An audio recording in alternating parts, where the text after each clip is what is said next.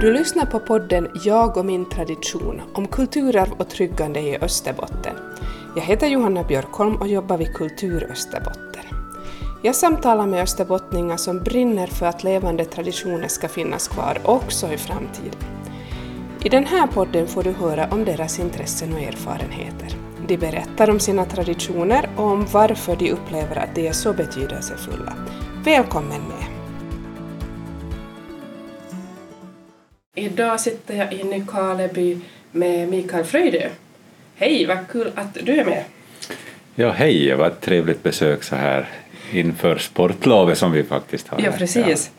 Ja. Uh, och uh, det här, vi kommer idag att prata om folkmusik uh, mm. som är någonting som du har jobbat länge med och mm. engagerat dig. Mm. Kan du berätta lite grann att, att hur har det här med folkmusik blivit din grej?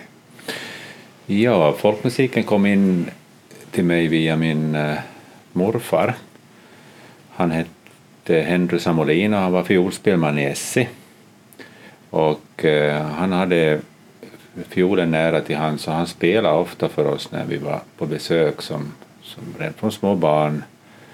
Och så hade han också tramporgel där som han, som han drog till också med och så var han åtminstone tidvis så var han aktiv också inom amatörteatern i SE och, och eh, i SSB-marslag och sånt där. Så han var en sån allmänkulturell person i, i Esse.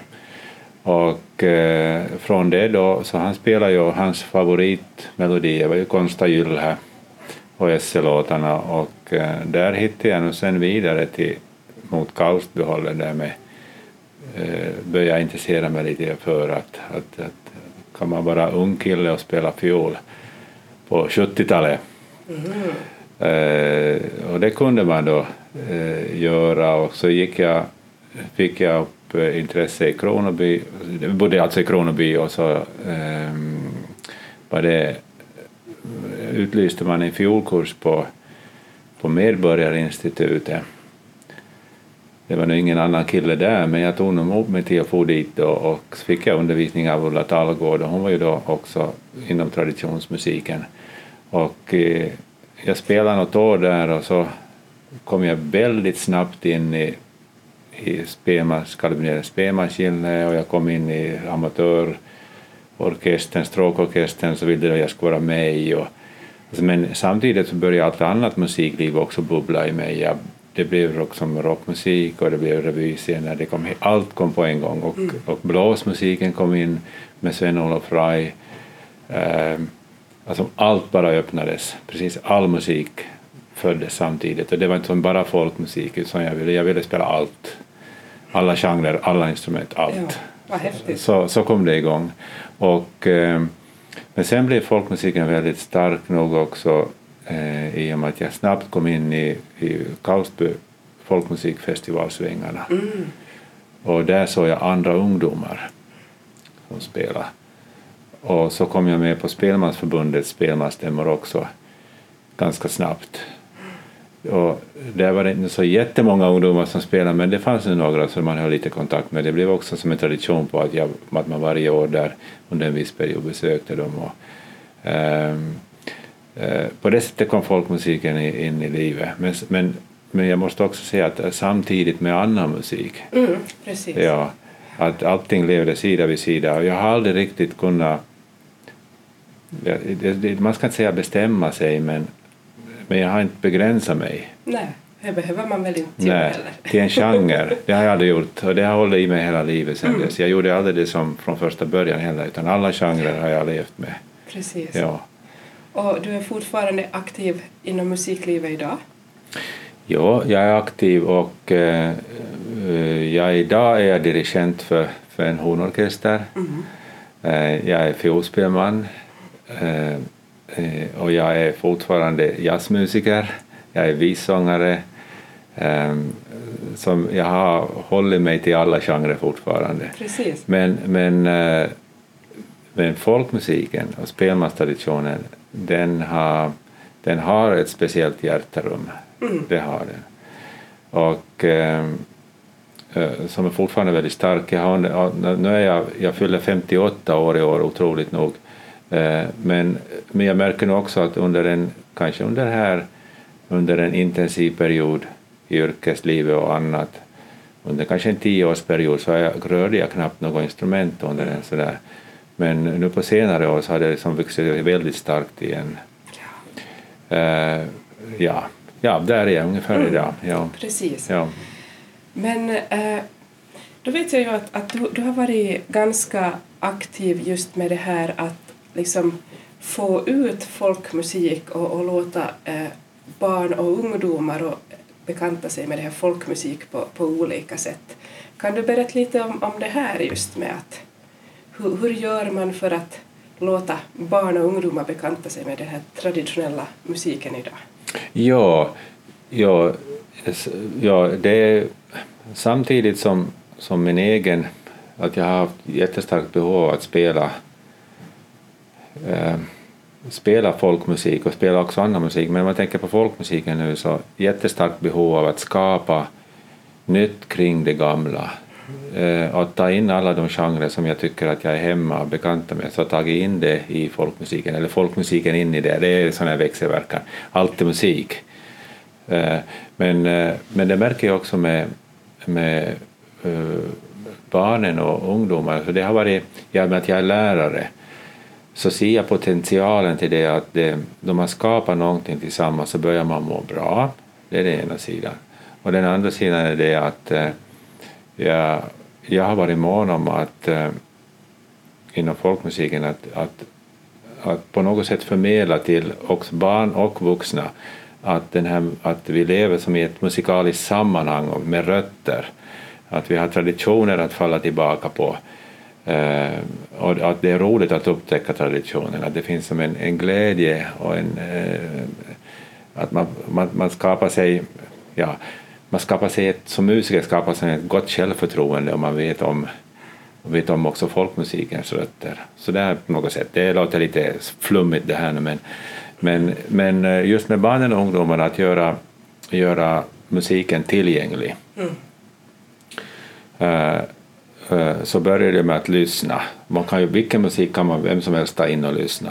Men sen när man ska börja utöva musiken så får man börja fundera, vad kan vi skapa tillsammans? Finns det någonting här eh, som man kan skapa gemensamt över generationsgränserna och sånt där.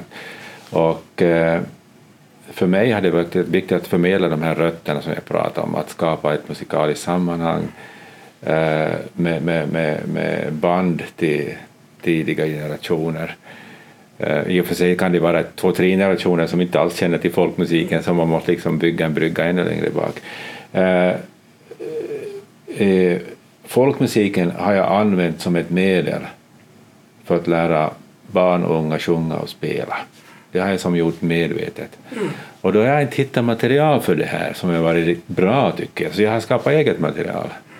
Och jag har tagit de här låtarna eh, och, och arrangerat om dem och gjort dem tillgängliga i visform, i musikform. I, i, jag jobbar i Lagmansskola och i syngnivåskola i Lagmansskola i Eppis och syngnivåskola i Åbo så gjorde jag precis så. Jag tog riktigt, riktigt svåra invecklade folkmelodier som kan vara riktigt utmanande för en fiolspelman.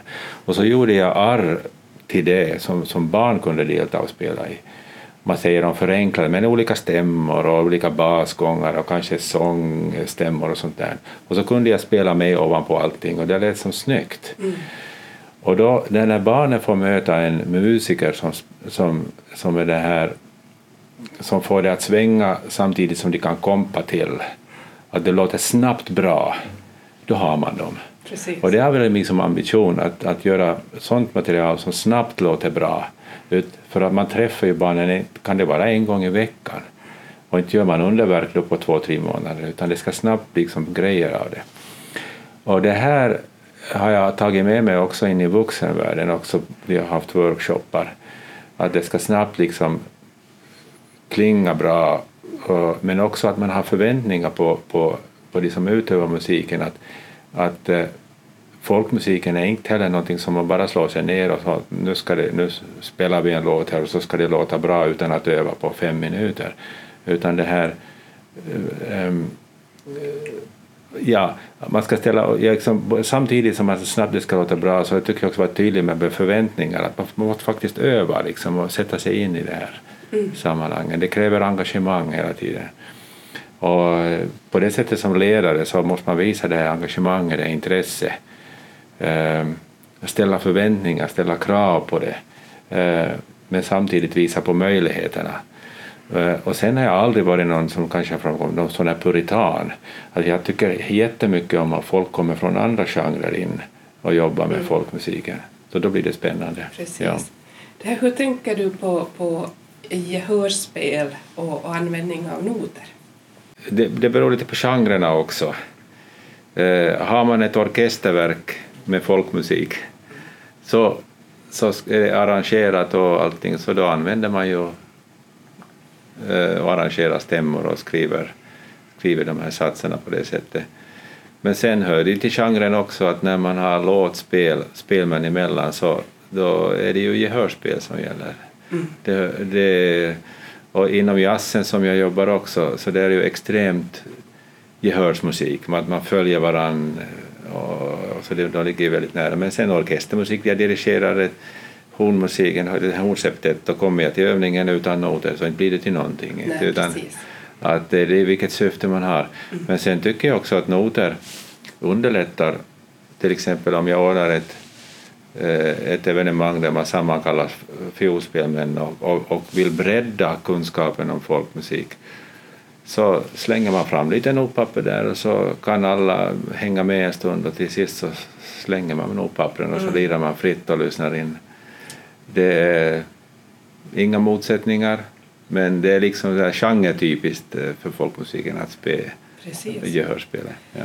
Mm, när du jobbar eh, så här då just med, med arrangemang och, så här, utgår mm. du från din, din egen repertoar eller dy, dyker du i arkiven? Uh, uh, olika skeden i livet kan man väl säga. Uh, jag har skrivit jättemycket som jag hade i skrivbordslådan till. Nu har jag inte gjort det på säkert, jag har inte skrivit musik på tio år kanske. Men eh, jag har, i och med att jag har gett ut skivor och sånt där med egen musik också blandat med traditionsmusik så eh, jag har två linjer. Man tar en given melodi och så arrar man den och liksom gör om den eh, enligt tycke och smak eller så ah, skriver jag en, en ny, ny melodi i någon slags gammal stil eller sådär.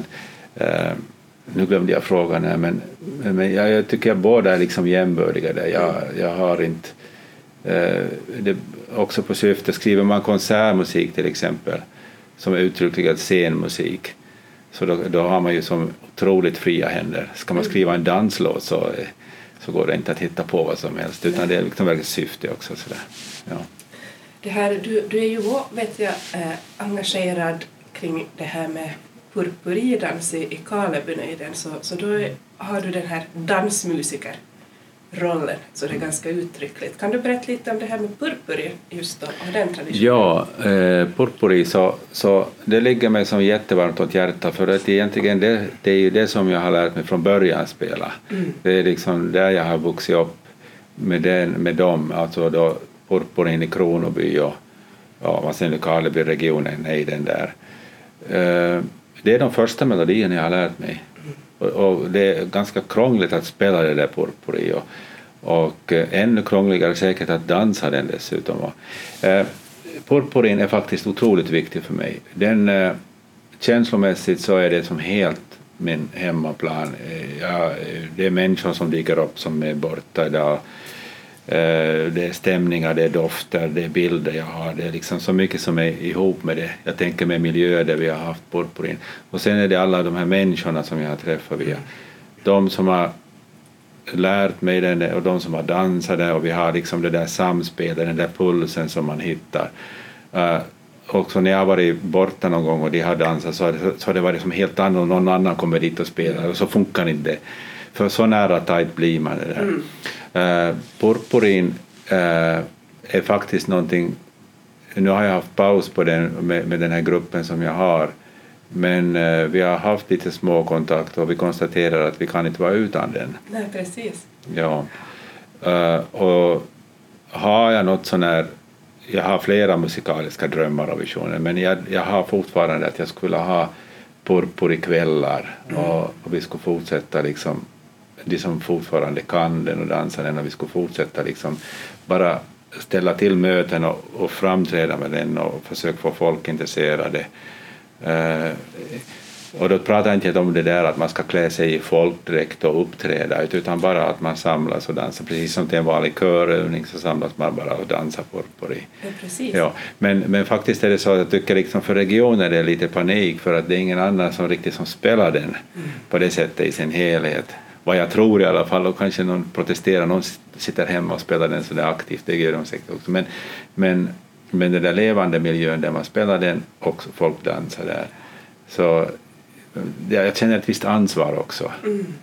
Vi, kan, ja. vi kan ju lägga till här då att, att purpurin är ju alltså då bröllopsdans i Karlebynejden. Ja. Och eh, traditionellt så var de väldigt långa de här purpuridansarna för att alla ja. skulle vara med där, att man kunde hålla på i en hel dag eller två dagar till och med. Och folk fick sitta och vänta på, på sin tur och dansa och, ja. och se på varandra. Ja. Mm. ja, och det finns ju olika varianter över Svenskfinland. Mm. Eh, och nu vet jag inte var den lever, i, om den finns överallt. Överallt finns den inte, men kanske det punktvis kanske man mm. sysslar med den ännu. Men, men eh, ja, det var som en, en utpräglad bröllopsdans. Och sen var det också utpräglad sån här dans då man till exempel, det har vid Kronoby folkhögskola, på vårarna då man hade samlat in veden för nästa vinter. Det var färdigt så dansade man purpuri. Mm. Uh, men ofta så dansar man då till hunkapelle som jag leder idag. och vi spelar ju också purpuri, mm. samma bröllopspurpuri som, som jag spelar som fiolspelman. Och, och, eh, och det, de har då berättat för mig att de kunde då förr i världen då på tre dagars bröllop så spelade de purpuri så att tänderna nästan lossnade. ja. Så, och de här turerna, och det var ju som jättemycket folk och alla ska delta i de här turerna och de har sin viss gång så det kunde ta som flera, flera timmar med paus. Mm. Ja. Ja. Ja, det är häftigt det här med, med purpuritraditionen. Ja. Mm. Det här, eh, om, om någon lyssnar på det här och, och, och, tänker att, att det låter ju jätteintressant det här just att, att liksom använda folkmusik för att, att äh, det här nå ut till barn och unga och så här. Har, har du något bra råd då? Du sa det här just att, att man ska tänka att man ska snabbt kunna börja spela tillsammans men finns det mm. något annat man ska tänka på? Och, ja, äh, det är det att, att skaffa, om du tänker börja använda folkmusiken så se till att du har eh, eh, inte direkt vet jag, läromedel, men en, en, en grundrepertoar. Att du inte kolla in, ta fem låtar eller melodier eller visor som du själv tycker funkar bra att synka med dig och, och börja liksom jobba med dem, att du kan dem liksom superbra själv och har lyssnat in dig på dem. Och det, men det gör ju alla lärare och sådär. Men eh, sen också att när man går in och jobbar med barn och ungdomar eh, då förutsätter jag att man också att man har liksom handalag med barn och ungdomar i största allmänhet, givet om det är lärare som jobbar med det. Eh, eh, egentligen är det som, som vilken annan musikundervisning som helst. Jag ser inte Ehm, på det sättet så mycket annorlunda, men det som, det som är till folkvisornas fördel är, det, är att det kan vara korta strofer och så upprepas vissa, ehm, eh, vissa saker som hela tiden eh, det kan vara som, det heter inte refräng på folkmusik, men vi tar nu en refräng till exempel, så vissa omkväden och sånt där, så det kan upprepas. Och det är som lätt att lära in textmässigt. Tycker det funkar riktigt jättebra. Och så kan det också vara en åtta takters melodi, och så jättetacksamt att jobba med. Uh, uh, på det sättet tycker jag formen, musikformen är bra, både textmässigt och, och den här längden och formen, det är tydliga A och B-delar och så vidare. Uh, och så ofta så kan de grunda sig också på det här att man kan sätta de grundar, behöver inte grunda sig på att man behöver kunna så mycket, många olika ackord och sådär utan det kan grunda sig på en, en liksom enkel baslinje eh, och så fyller man på med sången där och så, så tar man in kanske gitarrackorden och så vidare. Att, eh, ja, Jag skulle nog tipsa dig, du som undervisar i musik, hitta en, en, en folkvisa som du tycker om, en åttatakters folkvisa. Du kan göra storverk av den. Alltså. Det, men det hänger på dig som lärare faktiskt. Mm. Ja. Och där tänker jag att, att just det här med, med, med traditionella visor, att, att är ju så otroligt brett. Att, att det finns ju allting från de här, de här smålustiga sånglekarna till liksom så, saker som handlar mm. om sorg och bedrövelse som handlar om, om, om naturen, liksom, till precis vad som helst. Det är, ja. ju hela livet där. Ja, jag använder uh, nu väcks mina lärarminnen till det så här, till exempel vid inledningen av skoldagar så använde jag alltid kling klang klockan slår. Och det var liksom sådär, och alla sjöng den. Jag, hade, jag gnotade på den med varje morgon och på några dagar så kunde allihopa den. Och så var det naturligt sen att inleda skoldagen med kling klang klockan slår. Uh, alltså, på det sättet kan man börja. Mm. Att man, man behöver inte göra det till en musiklektion utan man, man sjunger lite varje dag. Då kan veckans folkvisa till exempel är ett bra tips för, för att bygga upp det. Så sätter man in det i årsklockan i kalendern. Alltså nu tänker jag på lärare som jobbar det. Mm. Uh, och, och, jag måste nog säga det att skolan och musikundervisningen i skolan att det är ju där det här gemensamma kapital, gemensamma kulturarvet byggs upp. Det hjälper inte att man har kurser här och där utan det är faktiskt skolan är otroligt, otroligt viktigt. Mm. Alla går i sko- nästan alla går i skola. Och, och lika, och det som, jag jobbar nu som rektor för en jättestor skola, vi är 660 elever här. Att, eh, jag har en sån här vision om att man har att veckor där, som heter Hela skolan sjunger, Hela skolan spelar eller Hela skolan dansar. Och, och sen då vilken låt eller vilken genre det nu blir, men att man får igång det med någonting. Mm. Och där tror jag folkvisan är väldigt kraftig ett kraftigt medel att lära ut eh, intresse för musik. Mm. För att den är i formen så tacksam att jobba med. Precis. Ja. Det här, eh, du, du hör ju till dem som kanske mest aktivt skulle jag säga i Österbotten just har, har jobbat med, med folkvisor och så här att, att det är inte så jättemånga som Nej. Så här aktivt har har uppträtt med och, och lärt ut folkvisor. Så här. Men kan du berätta någonting om det här? Har det liksom alltid varit, varit en självklar del för dig att det är som fiolen och, och så hör det här sången till?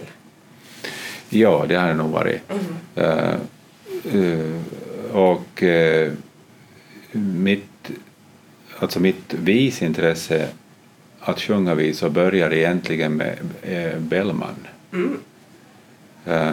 Och där har jag suttit och lärt mig de här epistlarna med 70-11 verser och så vidare. Och därifrån, i och med folkmusiken, så har jag kommit in på folkvisan. Och eh, eh, alltså jag älskar att sjunga visa överhuvudtaget. Men sen var inte bara så där riktigt när vi, jag började sitta på det, nu vill jag liksom, jag vill göra någonting med visan, jag vill, jag vill uppträda med den. Det är ju som ett själviskt behov också att stå på scenen och åbäka sig. Men, men jag, eh, att göra någonting med folkvisan. Och jag hade liksom tankar och visioner. Jag vill, det finns ju jättebra folkvisor som är snygga melodier. Eh, texterna kan vara gruvliga och, eh, och kanske lite simpla och banala nästan ibland också. Sånt Men det finns ett stort material som ligger bara där i böckerna. Alla säger att det finns eh, och det hörs ingenstans. Och, och då, jag tog tag i det där på 90-talet och började sitta och grunna med det där. Och, eh, eh, och så tog jag det som jag hade i ryggsäcken. Jag tog folkmusiken, jag tog jazzen och bluesen och allt det där och så tänkte jag, nej tusan, nu måste jag nog banda in någonting. Och så blev det då en platta, slutet på 90-talet. Och det är faktiskt en sån där platta som jag är väldigt, väldigt stolt över ännu idag. Jag låste in mig i källaren i Åbo med Nicke Nyqvist. Och så gjorde vi en platta med folkvisor. Och den heter Förförd.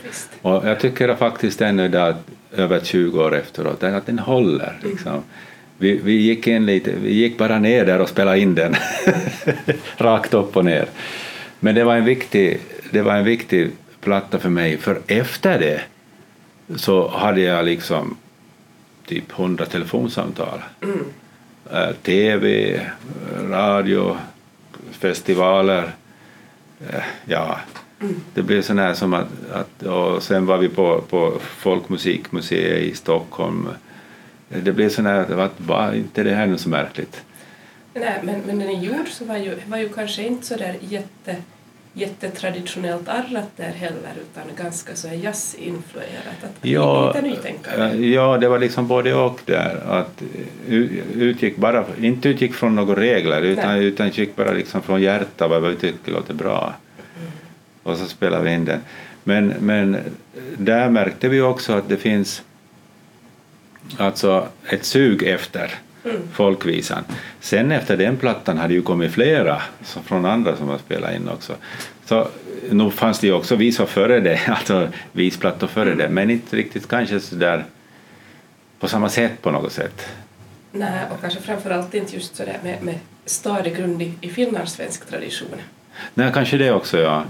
Eh, Så det kanske, kanske blev en, kanske den här som en ögonöppnare för, för många, att det är möjligt att göra olika saker. Jag vet inte, kanske det var så. Eh, Nu har jag glömt bort din fråga där, men, men eh, eh, folkvisan har ju sen också, nu har det ju dykt upp i, i större sammanhang, men sen har jag märkt att den här plattan som vi bandade in, att den har ploppat upp på andra plattor och så har den också pl- ploppat upp i, i som jättestora sammanhang som i, i skolmusik, du, sådana här stora att det har dykt upp liksom på det sättet också sen melodier. Så in, inte för att vi ska ta oss äran på något sätt men kanske en liten gnista någonstans har funnits att ta med.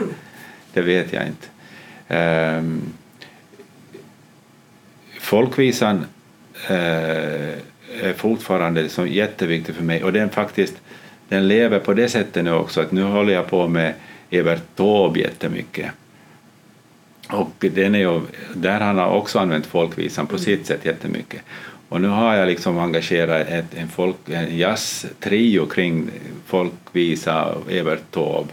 Nu är jag inne i det, har vi varit lite inne i det träsket. Och, eh, och där märker jag att jag kanske, kanske har en liten talang för det att stå på scen och, ber, och, och berätta liksom i folkviseform. För folk liksom, på riktigt så finns det ett sug efter visa.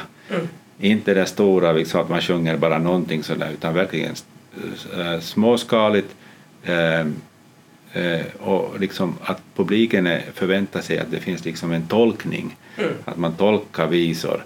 Men eh, eh, tillfä- eller, eh, utrum eh, och plats eh, för, för visan.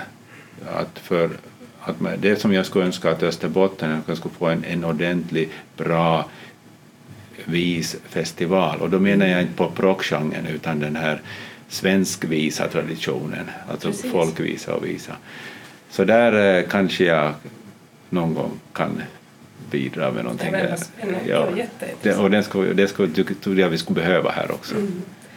Men man, man hör ju liksom att, att du, du brinner ju verkligen för det här området men, men kan, du, kan man på något sätt liksom sätta fingret på att, att va- varför är, är det här just med, med folkmusik och, och traditionell visa, varför, varför är det så betydelsefullt?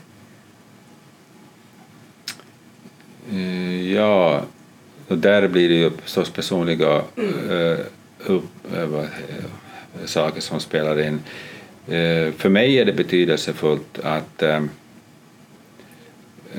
för mig har det varit betydelsefullt att, att i, i lokalhistorien blicka bakåt och se vad våra förfäder har sjungit, vilka vaggvisor det brukar jag ofta fråga av äldre folk att vilka vaggvisor fick du höra? Bara en sån enkel sak. Och så mitt i allt så har man, kan man sjunga den och man har inte sjungit den på 50 år. Eh, för mig är det viktigt, har det varit viktigt med musikaliska, den här rötter att tänka på det. Att, att liksom nörda ner mig i det. Och Jag har kanske lite, gjort det lite mera än vanligt folk, men, eller ganska mycket också. Eh, men samtidigt som jag varit, så det är liksom en sån personlig tillfredsställelse att ta reda på det, att känna till det och att bygga kunskap kring det där. Det, det har varit liksom, det är viktigt för mig. Men sen har det också varit viktigt att få ut det. Alltså som båda delarna, både en sån här privat privat eh, det är både en privat grej och sen har jag lyft det också så det blir offentligt. Och det är väl liksom där mitt liv är då. Mm. Att, och musikaliska liv, att båda delarna är lika viktiga. Sen varför man är intresserad av frimärkssamling eller vet fåglarna varför man fastnar för men det är ju klart att ens uppväxtmiljö mm. har betytt mycket. Eh, och inte bara det som jag pratade om min morfar som spelar men också överhuvudtaget den här miljön i Kronoby där det var okej okay att spela. Precis. Eh, jag var en ensam fiolspelare bland gossarna. Jag gick ju långa vägar med fiollådan för att undvika mobbotjacke. Ja.